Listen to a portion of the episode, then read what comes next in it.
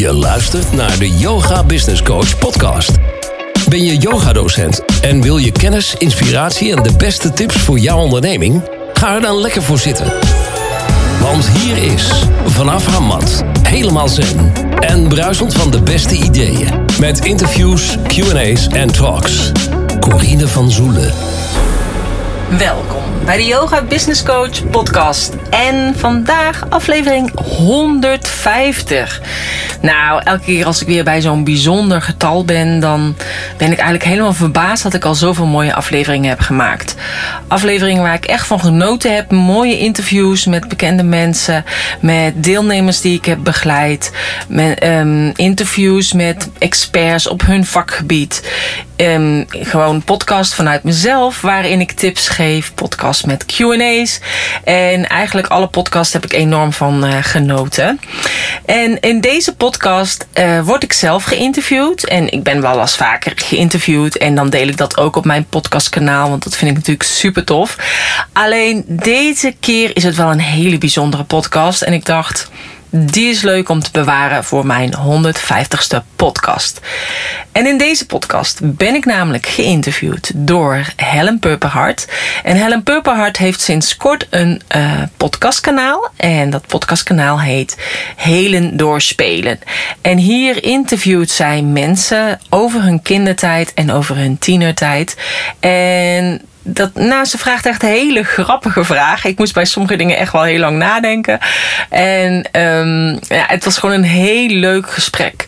En het hele bijzondere was ook dat gaandeweg het gesprek, door de dingen ja, die ze aanhaalde en vroeg over mijn jeugd, kwamen er dus eigenlijk inzichten waarom ik eigenlijk nu ben wie ik ben. En uh, waar ik dus eigenlijk super trots op ben. En als ik dus nu ook kijk, 150 afleveringen, ben ik daar ook echt mega trots op. Want ja, het is echt best wel pittig om het vol te houden. Tenminste, ik vind het zelf niet pittig, maar dat, ik weet dat heel veel mensen dat wel vinden. En um, ook in mijn podcast over uh, online tips, zeg maar, of online verdienmodellen, vertel ik ook dat podcast ook een verdienmodel zou kunnen zijn en hoe ik dat dus zie. En um, ja, je moet er wel heel erg consistent in zijn en ook dat dus echt wel wekelijks blijven doen. Maar afijn, vandaag dus podcast 150. Nou, uh, in deze podcast uh, dus de onthullingen wat eigenlijk zo bijzonder is vanuit mijn kindertijd en nu. En als je dus daar meer over wil weten, op de show notes pagina www.deyogabusinesscoach.nl slash 150 van deze 150ste aflevering uh, vind je dus informatie over de podcast van Helen. Vind je informatie over haar website waar alle podcasts staan met, uh, met Nederlanders, die bekende Nederlanders, maar ook mensen die in het buitenland wonen die zij heeft geïnterviewd uh, over hun kindertijd. En uh, vind je dus ook uh, de tekst van de show notes pagina die zij geschreven heeft over mij. Nou, mocht het zijn, als jij dit een leuke podcast vindt, deel het. Geef het een like, geef het een sterretje, daar hou ik van. En tag mij er vooral in en tag ook Helen als je hem hebt geluisterd. En um, nou, en meld je ook aan voor de, uh, via de link op mijn show notes pagina. Zodat als er weer een nieuwe podcast vrijkomt, ik jou op de hoogte houd. Nou, heel veel luisterplezier naar uh, wat ik je te vertellen heb over de jongere Corine. Welkom bij de podcast Heden Doorspelen. De podcast waar we inspireren om te leren zodat jij kunt groeien en bloeien. Helen Purperhart neemt je mee in haar wereld waar het innerlijk kind de hoofdrol speelt. Heel veel luisterplezier! In deze podcast ga ik in gesprek met Corine van Zoelen. Welkom, Corine. Ja, leuk, dankjewel. Wil je jezelf voorstellen ja, aan de luisteraars? Nou, mijn naam is Corine van Zoelen. Ik ben de yoga business coach. Ik woon in Lelystad, in de buurt bij jou, Almere. Ik ben niet altijd business coach geweest. Ik had een eigen yogastudio hier in Lelystad, de yogaboerderij. Waarbij ik zeg maar ja, gewoon live lessen gaf. En uiteindelijk sinds 2015 ben ik online yoga programma's gaan ontwikkelen. Daar kreeg ik eigenlijk heel veel vraag naar. En toen ging ik andere mensen helpen. En vooral yogadocenten. Uiteindelijk ook coaches en therapeuten. Zo is eigenlijk de Yoga Business Coach ontstaan. Kindertijd. Ik ken jou natuurlijk alleen maar als volwassen vrouw. Ja. En in deze podcast ga ik het vooral met jou hebben over, over kleine Corine. Hoe jij was in je kindertijd. En ik ben eigenlijk wel benieuwd. Hoe was jij als uh, klein meisje? Nou, als klein meisje wilde ik wel heel graag altijd de wereld beter maken. Ik kan me ook nog één keer herinneren dat ik mijn kamer helemaal netjes had gemaakt. En ik had een, een soort van tafeltje gekregen. En ik dacht, oké, ik ga hier aan zitten. En dan ga ik nu even bedenken hoe we dit probleem gaan oplossen. Maar ik kwam er al heel snel achter dat me dat niet lukte. dus ik zat daar en ik was, het was iets over fabrieken, van, uh, over werkeloosheid. Dat, daarmee was ik allemaal mee bezig. En ik dacht, nee, dat, lukt mij gewoon niet. En voor de rest speelde ik heel veel buiten. Uh, wij woonden ook achteraf. We hadden stelten, dus ik deed steltlopen. En ik had zo'n, ik weet niet hoe dat nou heet. In Brabant heette dat repen. Maar ik weet niet of je dat kent. Nee, nooit van gehoord. Het is een wiel met zo'n stok. Zeg maar net dat je zo'n fietswiel hebt met zo'n stok. En dan kon je dan lopen en dan gaat dat wiel doordraaien met, met die stok. En over welke leeftijd hebben we het dan nu? Nou, dan hebben we het zeg maar rond 8, 9. Knikkeren deed ik ook echt heel veel buiten. Van dus je was echt wel een buitenkind. Ja, en ook handstand en zo. Ik was heel erg lang, toen al, nu ook. Ik was de grootste van de klas. Wat best frustrerend was, want daar moest ik altijd achteraan zitten. Maar dat terzijde. Maar dus als we dan handstand tegen de muur deden, was ik altijd de eerste die tegen de muur aan ging staan. En daarna kwam allemaal de rest. Zodat we dan met tien of elf, zeg maar, zo stonden. En ik kon het het langste volhouden. En je zei dat terzijde, hè? van ik was de grootste van de klas. Maar uh, hoe zit dat precies? Wat, wat was dat dan? Wat, wat maakte dat je nou, dat misschien minder fijn vond? Nou, omdat ik zat altijd achteraan. Dus ik zat altijd achteraan in de klas. En ook met foto's moest ik altijd achteraan staan. En bedoel je dan achteraan in de klas staan, zodat anderen ja, niet tegen jou opkijken of zo. En dat jij daar overheen kan kijken? Ja, zodat ik inderdaad overheen kon kijken. En wat heeft dat voor invloed nu op je leven? Dat je dus vroeger altijd achteraan moest staan. Uh, sta je nog steeds achteraan of ben je nu meer dat je gewoon zorgt dat je vooraan staat? Nou, het is wel heel grappig, want ik zat natuurlijk altijd achteraan. Dus het maakt niet uit in welke klas. Of het nou in de tweede klas was of de vijfde of de achtste, zat altijd achteraan. Leuke bijkomstigheid was dat ik altijd langs een jongen zat die ook heel lang was. En die vond ik heel leuk. Dus we zaten dus ook eigenlijk bijna al die jaren naast elkaar. Dus dat was het enige positieve. Maar wat ik er nu nog steeds last van heb, is dat als ik bijvoorbeeld eh, ergens ben en we maken een groepsfoto, is natuurlijk lang geleden dat we dat gedaan hebben. Maar dan ga ik automatisch achteraan staan. Omdat ik dat gewend ben, want ja, ik ben de grootste. En ik weet nog dat ik bij een paar uh, van die business events ben geweest. En dan moesten we ook zo'n groepsfoto maken. En dat ik dacht, wat de fuck, ik ga gewoon vooraan staan. Maar ja, dan sta ik natuurlijk voor iedereen. Dus dan ging ik wel op mijn knieën. Dan stond ik wel vooraan. En dat voelde heel raar. Dat was je helemaal niet gewend. Nee, dat ben ik helemaal niet gewend. Want ik sta altijd achter. Dus je bent je op dat moment wel gewoon van bewust. Je bent er wel in je hoofd mee bezig. Ja.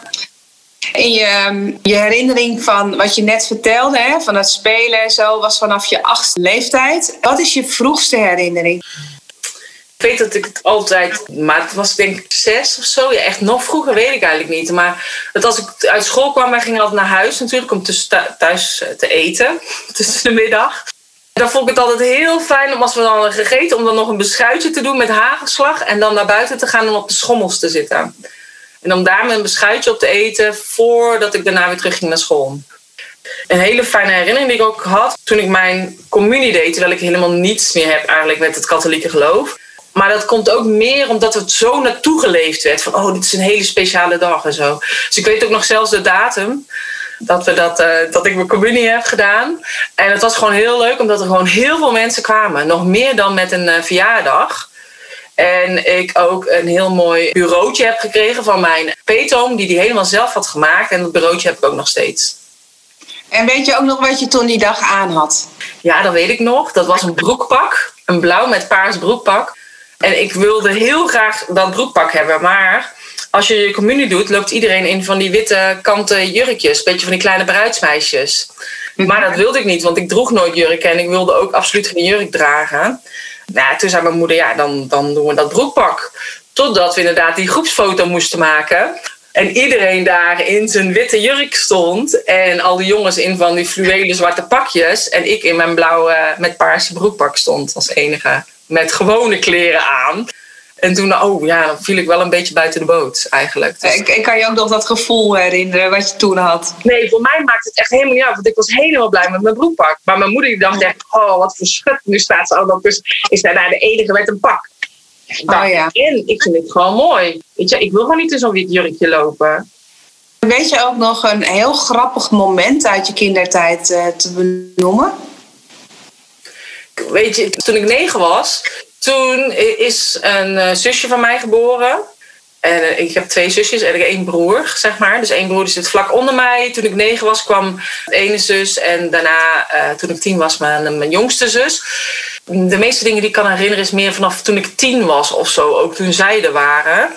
En ik weet dat ik nog een keer een, een hondje had gekregen voor mijn tiende dus verjaardag. En dat, die heette Moppie, had ik toen genoemd.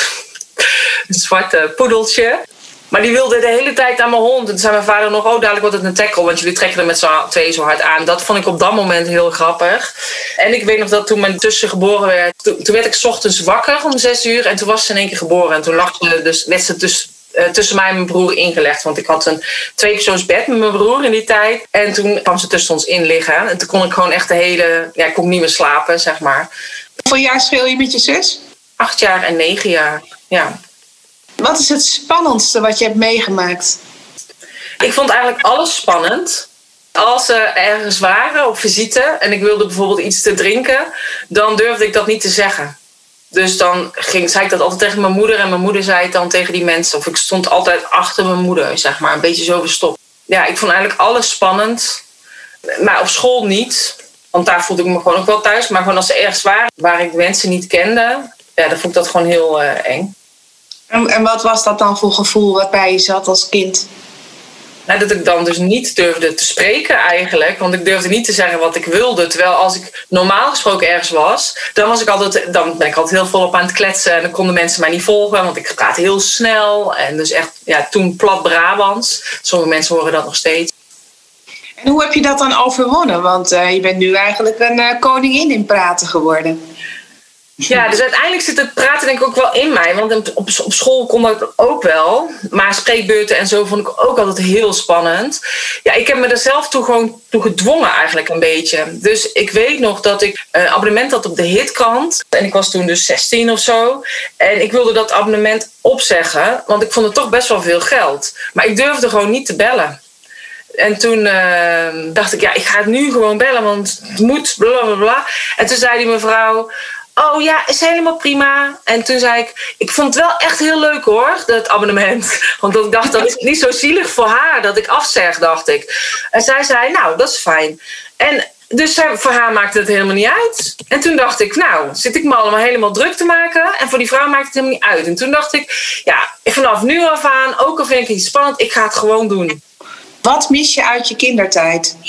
Ik denk als kind heb je nog dat de wereld helemaal aan je voeten ligt. En dan ben je gewoon nog helemaal open en onbevangen. En uh, zeg je gewoon de dingen die je wil zeggen, dus uiteindelijk. En krijg je dus wel heel vaak van je omgeving te horen: ja, dat kan je niet zeggen, want. Hè, stel je krijgt een cadeautje voor je verjaardag en je zegt: oh, maar die heb ik al van ja, dat kan je niet zeggen, want dan kwetsen die andere zeg maar gewoon, oh leuk. En dan gaan we hem daarna wel ruilen of we geven het wel aan een ander of weet ik veel wat. Dat ik dacht van ja, maar ik heb het toch al. Wie zei dat dan tegen jou? Uh, van, dat je het gevoel hebt gekregen dat je niet eerlijk mag zijn over wat je van iets vindt? Ja, dat is natuurlijk wel uh, de stem van mijn moeder, zeg maar. Die dan, dan bijvoorbeeld dingetjes zegt. Of als je iets niet leuk vindt. Of als je naar een verjaardagsfeest wil waar je eigenlijk geen zin in hebt. Dus we moeten allemaal wel eens dingen doen die niet leuk zijn. Dus dat je eigenlijk op die manier toch je gevoel wegzet of zo. En ik denk dat is wel het, meer het onbevangen van een kind. Aan de andere kant is het ook een beetje klaarstomen voor de, voor de wereld. Dat je soms niet kunt zeggen wat je denkt. Dus je staat wel achter die manier van opvoeden. Dat is ook iets wat je zelf eh, aan je eigen kinderen meegeeft. Het is meer dat ik denk, iedereen voedt zijn kind op op de manier die die denkt dat op dat moment het beste is en wat hij zelf heeft meegekregen van zijn of haar ouders. Ik denk dat iedereen die heeft zoiets dat ik denk van nou, zo hebben mijn ouders gedaan, zo ga ik het niet doen of zo ga ik het ook doen. Uiteindelijk zullen de dingen die ik aan mijn kinderen weer overdraag, zullen zij weer denken, oh dat ga ik zo niet doen. Of ik denk als ouder doe je het eigenlijk altijd met de beste bedoeling. Ja, nee, dat geloof ik ook, uh, ook zeker. Ja. En ook al zeg je van nou, ik ga het anders doen, zul je ook merken dat je gewoon dingen weer precies hetzelfde doet. Ja. Dan betrap je jezelf erop. Oeps, ik doe het ook. Ja. Lastige emotie. Welke naam zou je eigenlijk aan die emotie geven die je benoemde? Hè? Dat je op een feestje komt en dat je dan iets niet durft te vragen. Ja, wat in me opkomt is schaamte, maar ik dacht nee, het is niet schaamte. Het is gewoon meer een soort van verlegenheid. Ja, en dus niet jezelf durven zijn. Omdat je niet weet wat voor mensen dat zijn. Kijk, ik kan me gewoon één situatie heel erg herinneren. En dat is dus bij een oom en een tante van mijn moeder. En daar kwamen we maar één keer in het jaar. Dan vond ik dat dus ook heel spannend. Maar dat heeft wel heel veel indruk op mij gemaakt dat ik het dan niet durf te zeggen. En dat dan andere mensen bijvoorbeeld zeiden van ja, nou, ze moet zelf maar zeggen wat ze wil drinken, want zo uh, blijft dat. Maar ja, dan zei mijn moeder van ja, nou, uh, uh, dit, dit is gewoon wat ze wil drinken, bijvoorbeeld. Dus die nam het wel op dat moment voor mij op. En ik weet ook dat ze zeiden dan, oh ja, die, ja jullie Corina, die zal nooit een, vriend, een vriendje krijgen of zo, want die, die durft helemaal niks. Puberteit. Ik ging pas met mijn 15, 16 ging pas voor het eerst uit. Terwijl heel veel natuurlijk met 12 al uitgingen. Heeft die verlegenheid daar ook mee te maken met niet uitgaan? En speelt die verlegenheid ook op een andere manier een rol? Kwam dat vaker terug? Ja, die verlegenheid had ik wel echt heel vaak. Ik weet ook nog, dat is echt ook een heel stom voorbeeld. Maar dus toen ik dan uitging met 15. En een vriendin van mij die wilde dan dansen. Vond ik echt verschut om te gaan dansen. Dacht ik echt dat ik echt dan, dan heel. Ik, ik kan ook niet dansen, dus dat. En dan dacht ik, dan doe ik mijn zonnebril op. Want dan zie ik hun niet, dan zien ze mij ook niet. Sloeg helemaal nergens op. Voor mij was dat, gaf dat heel veel veiligheid. Terwijl aan de andere kant, weet je wel, kan ik echt heel uitbundig zijn en heel veel praten. En dus dat kon ik ook, weet je wel. Dus het was eigenlijk een beetje twee kanten. Maar dat zijn wel echt dingen die ik heb overwonnen. Maar ook waar ik soms nog steeds van mee te maken heb. Dus toen ik mijn eerste podcast naar buiten bracht, ja, vond ik dat echt doodeng. Want ik denk, nu horen mensen alleen maar mijn stem en wat zullen ze ervan vinden. En dus dan komen al dat soort stemmetjes komen dan toch naar boven. Maar dan denk ik, nee, Corine, hup, ga met die banaan. Je kunt het altijd weer ervan afhalen. Dat is eigenlijk elke keer met heel veel dingen push ik mezelf daar eigenlijk in om het toch gewoon te doen. Ja, dat is ook denk ik de enige manier om er vanaf te komen. Wat had je eigenlijk als kind nodig om met die verlegenheid te kunnen omgaan? Ik zou het niet weten. Nee is zeg maar een gedeelte van mij, maar een ander gedeelte is ook dat ik wel uitbundig kon zijn, snap je? Dus op school was ik wel ook aan het praten, moest ik ook altijd mijn mond dicht houden omdat ik te veel sprak in de klas. Dus dat zit aan de ene kant. En aan de andere kant dan zo'n met een uh, spreekbeurt vond ik altijd heel eng. Ging nog sneller praten dan anders, dan was ik er maar snel vanaf. Dus het was een beetje tegenstrijdig, zeg maar. Ja, oké. Het gaat dus eigenlijk om de balans. Maar toch had je er last van, van die ja, verlegenheid. En je durfde niet iets te vragen. Nee. Wat had jou kunnen helpen om die verlegenheid te accepteren of om daar zo op een manier mee om te gaan dat je er geen last van hebt? Want verlegenheid heeft natuurlijk ook wel een kwaliteit. Je bent uh, innemend en je bent ook wat, wat meer op de achtergrond en je bent niet uitbundig. Dus dat heeft ook voordelen. Ja, inderdaad meer op de achtergrond. Dat is ook wel goed dat jij dat zegt, want daardoor kon ik alles een beetje goed overzien wat er is om een beetje de situatie in te schatten. Maar ik denk als er inderdaad in die tijd kinderyoga was geweest, had ik daar heel veel aan gehad. En vooral met krachtige houdingen. Of wat ik ook wel eens heb, weet je, dat je met je vuist zo in je hand slaat van ik ben krachtig, ik ben sterk, ik ben moedig. Op die manier om eigenlijk meer die eigenschappen meer tot me te nemen. Of, met, of door middel van affirmaties of zo. Missie en visie vertelde het net al, dat je als kind ook al hele idealistische ideeën had over de wereld. Nu ben je volwassen. Wat wil je op dit moment graag uitdragen in de wereld? Nou, wat ik heel graag wil is omdat ik zelf eigenlijk altijd heel veel ideeën in mijn hoofd heb en uh, de stempel ADHD heb. Wat me tevens ook heel veel creativiteit brengt. En wat ik nooit heb ervaren zo. Ik heb altijd meer ervaren dat ik chaos had in mijn hoofd. In plaats van uh, creativiteit. Want ik vond uh, handvaardigheid altijd afschuwelijk. Pas bij de kinderyoga deed ik een visualisatie ook voor mijn innerlijke kind. En eerst moest ik een, iets opschrijven met de beginletter van mijn naam. Dus daar kwam dus inderdaad ook chaos uit. En, na die visualisatie en na die kinderyogales kwam daaruit creatief. En toen dacht ik, maar ik ben helemaal niet creatief, want ik hou niet van handvaardigheid. En dacht ik, eigenlijk ben ik wel heel erg creatief. Want ik verzin eigenlijk heel veel lessen op school en uh, vanuit, vanuit de yoga. Dat is voor mij ook echt een beetje een omschakeling geweest om dat eigenlijk te accepteren. En omdat ik dus zo druk ben in mijn hoofd, wil ik gewoon eigenlijk heel graag, want de yoga heeft mij echt die rust gegeven, dat iedereen eigenlijk dat zo ervaart. En ik zag eigenlijk altijd dat iedereen heel druk was met werk en met gezin en, en hobby's en kinderen daarheen rijden en daarheen rijden. En dat ik dacht van ja, ik zou gewoon graag die vrouwen meer die rust en die ontspanning willen geven. En dat is natuurlijk ook waarom ik uiteindelijk met de yogaboerderij ben begonnen. En uiteindelijk dacht, nou, ik wil meer mensen bereiken. En toen ben ik uh, online yoga gaan geven. En daar heb ik ook echt wel heel veel mensen mee, uh, mee bereikt. Maar ik voelde dat het gewoon nog groter was. En dat niet elke leerling mijn leerling is. Dus dat is eigenlijk ook de reden vanuit de yoga business coaching. Dat ik denk van ja, kijk, als ik yogadocenten kan helpen om te zorgen dat ze zichtbaar worden. En om hun ideale leerlingen aan te trekken, kan ik indirect gewoon nog meer leerlingen eigenlijk daarin begeleiden om toch die rust en die ontspanning te ervaren. En ik denk met de situatie waar we nu in zitten, zijn heel veel mensen al naar binnen gekeerd en is, zijn er, is er ook stress. Ik hoor ook van heel veel mensen dat die juist nu de rust ervaren omdat ze niet de verplichte feestjes hebben. Nou, het is wel heel grappig dat je dat zegt, want je benoemt het echt letterlijk van uh, wat je wil, is dat mensen meer zichtbaar zijn. Mm. En, en als ik dan uh, weer terugdenk aan jouw verhaal van vroeger als kind, wilde je als kind helemaal niet zichtbaar zijn en zette je juist je zonnebril op. Dus ja. het, is, uh, het heeft echt wel raakvlakken met uh, hoe je als kind was en wat je uh, nu zeg maar uitdraagt in de wereld. Ja. ja. ja.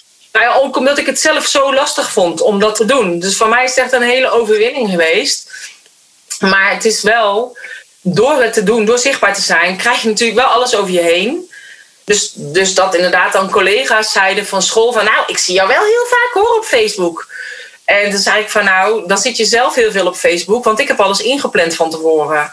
Dus, maar dat is dus wel, weet je, dat je dus meteen oordelen... Mensen hebben meteen een oordeel. Of dat ze zeggen, nou, je bent wel druk hè... want ik zie je heel veel, ik zie je daar en daar. En oogt dat misschien dat ik heel druk ben overal. Maar eigenlijk is dat helemaal niet zo. Ik doe eigenlijk alleen maar dingen die ik leuk vind. Dus, en dat is wat ik laat zien. Ik bedoel, Heel veel mensen weten niet eens hoe mijn man eruit ziet. Die denken, ben je wel getrouwd?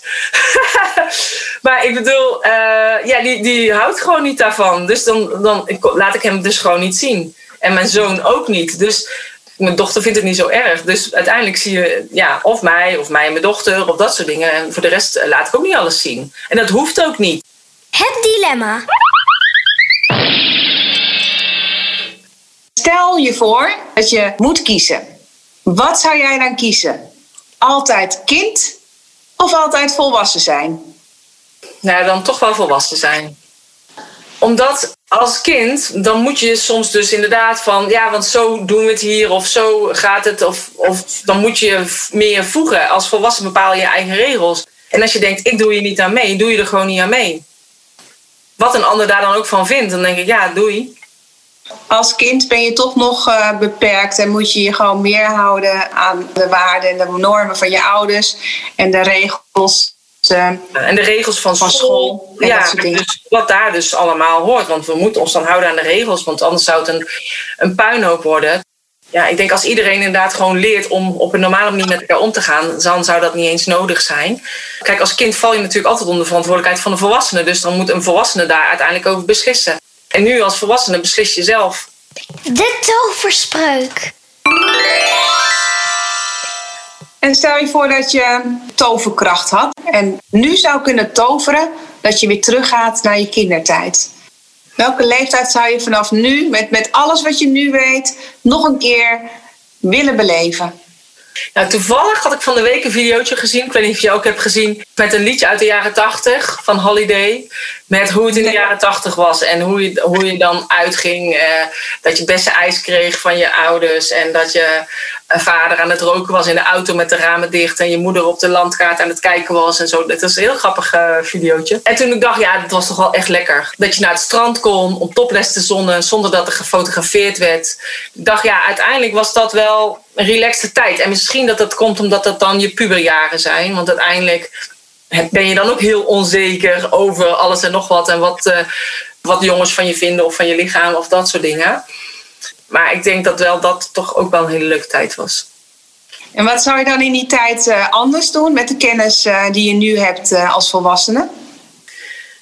Nou, ik zou minder onzeker zijn, ook zeg maar, vooral op de middelbare school. Dat zou ik inderdaad mezelf meer moeten toespreken. Aan de andere kant zou ik niet echt iets heel veel anders doen. Want alles wat ik zeg maar inderdaad in mijn leven heb gedaan, heeft me gemaakt zoals ik nu ben. Ja, en uiteindelijk ben ik daar wel trots op. Dus had ik het niet willen missen, zeg maar, weet je wel. De speeltip. Maak een gerecht met enkel ingrediënten die beginnen met de eerste letter van je voornaam. Oh god, courgette. Welke groente past er nog meer bij? Oh, cactus? Nee.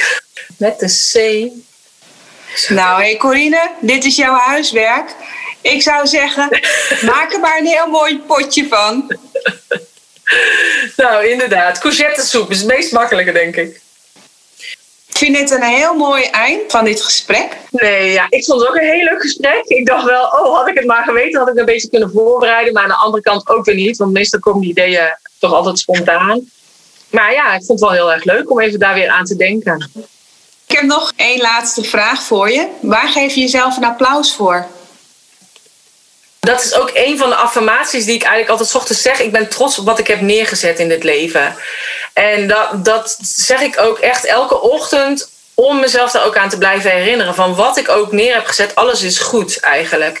En juist ook omdat ja, ik heel veel dingen altijd spannend vond en het toch ben gaan doen ben ik gewoon wel echt heel trots dat ik op dit moment zoveel mensen mag begeleiden. Ook in hun weg en in hun, hun ontwikkeling als ondernemer ja, en ook als ik dan zie ja, wat zij neerzetten en uh, weet je, de deelnemers die zij hebben voor hun trainingen en in hun studio's, ja, dan doet me dat gewoon heel erg goed. En juist ook omdat ik het ook heel spannend vond dat ik dacht, wie zit er op mij te wachten? Ja, dat ik denk, het is goed dat ik mezelf niet klein heb gehouden. Want er zaten dus wel echt mensen op mij te wachten. En dat is ook altijd wat ik tegen de mensen zeg die ik begeleid. Er zitten echt mensen op jou te wachten. Alleen die weten niet dat jij er bent. Die zitten waarschijnlijk nu misschien op hun zolderkamertje. Terwijl als jij je laat zien en ze weten dat jij er bent, dan, dan zullen ze naar je toe komen. Dus je bent verplicht eigenlijk aan je toekomstige klanten om jezelf te laten zien.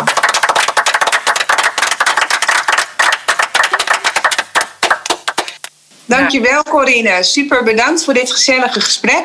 Ja. Ik zal jouw uh, website en wat meer informatie over jou ook uh, posten. Dus dan kunnen mensen het nalezen. Is goed. En ik wens je een hele fijne dag. Dankjewel. Oké, okay, dank je. Doei doei. Doei doei.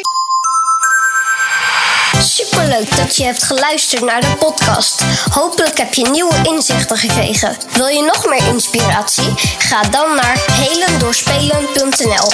Ben je enthousiast geworden over deze podcast? Het is tof als je de link van deze podcast doorstuurt. Delen op je social media en je review achterlaten kan natuurlijk ook. Tot de volgende aflevering. Doei!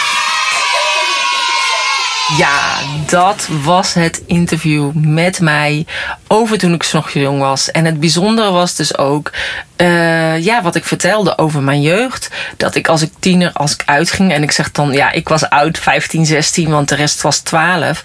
Denk je misschien nu, hè, waar heeft ze het over? Maar ik ben opgegroeid in Brabant en daar ging iedereen met zijn twaalfde al stappen. Alleen ik durfde dat niet. En um, dus ik ging dus inderdaad met mijn vijftiende pas uit. Terwijl dat nu is dan natuurlijk heel erg jong. In die tijd in Brabant dus niet. En uh, ik dacht dus, als ik die mensen niet zie met mijn zonnebril dan zien ze mij ook niet. Maar eigenlijk viel ik daardoor juist heel erg op. En um, nou, door Helen, die dus die vraag stelde over die zichtbaarheid, dat ik dacht van ja, dat is eigenlijk altijd wel inderdaad een ding geweest. Uh, hè? Dus ik, ik durfde in ieder geval niet te dansen in de disco, vandaar die zonnebril. Ik uh, durfde niet op dansles. En dan zei mijn vader, ja, ze komen hier geen dansles geven in de garage. Je zult toch echt daar de dansles moeten. Hè, dat was natuurlijk nog in die tijd. Uh, maar ook dat ik inderdaad altijd achteraan stond. En dat dus eigenlijk zo gewoon heb, zo ingebakken is. En dat ik dat juist bewust vooraan ben gaan staan. Dus dat eigenlijk dat hele zichtbaarheidsdingetje is eigenlijk al heel belangrijk in mijn hele leven. En uh, nou, door deze podcast werd me dat eigenlijk weer heel even duidelijk. En daarom eigenlijk ook heel mooi dat het in mijn bedrijf zo duidelijk naar voren komt. En dat ik ook eigenlijk de deelnemers in mijn trainingen stimuleer om zich wel te laten zien. En om dat te ervaren hoe dat is als je je laat zien op ja, de manier die bij jou past. Dat is eigenlijk altijd het belangrijkste om uh, te doen. Om jezelf daarin niet te forceren. Um, te doen in je eigen tempo Ondanks dat ik mezelf wel daarin forceer. Omdat ik weet dat dat voor mij de beste techniek is om uh, de tactiek eigenlijk om het uh, te doen. Nou, ik vond het in ieder geval een superleuke interview. Uh, ik vond het ook best wel spannend eigenlijk ook om het te delen. Maar ik vond het wel ook heel leuk om hem juist de 150ste aflevering, deze aflevering te laten zijn. Dus met de podcast van Helen vanuit haar podcastkanaal Hele Doorspelen. Dus ik kan je ook echt aanraden om haar podcast te gaan volgen. Waarin ze echt hele leuke mensen interviewt over hun kindertijd. Dus dat uh, is toch altijd wel weer net een bijzondere, ja, toch weer bijzonders dan anders. Dus dankjewel voor het luisteren. En als je deze podcast leuk vond, dan. Uh, Geef dan een duimpje of een like of een sterretje. En check anders nog even de show notes pagina www.deyogabusinesscoach.nl slash 150. Waarin ik je verwijs naar de websites van Helen en uh, haar social media kanalen en haar podcastkanaal. Dankjewel voor het luisteren en graag tot een volgende keer. Namaste.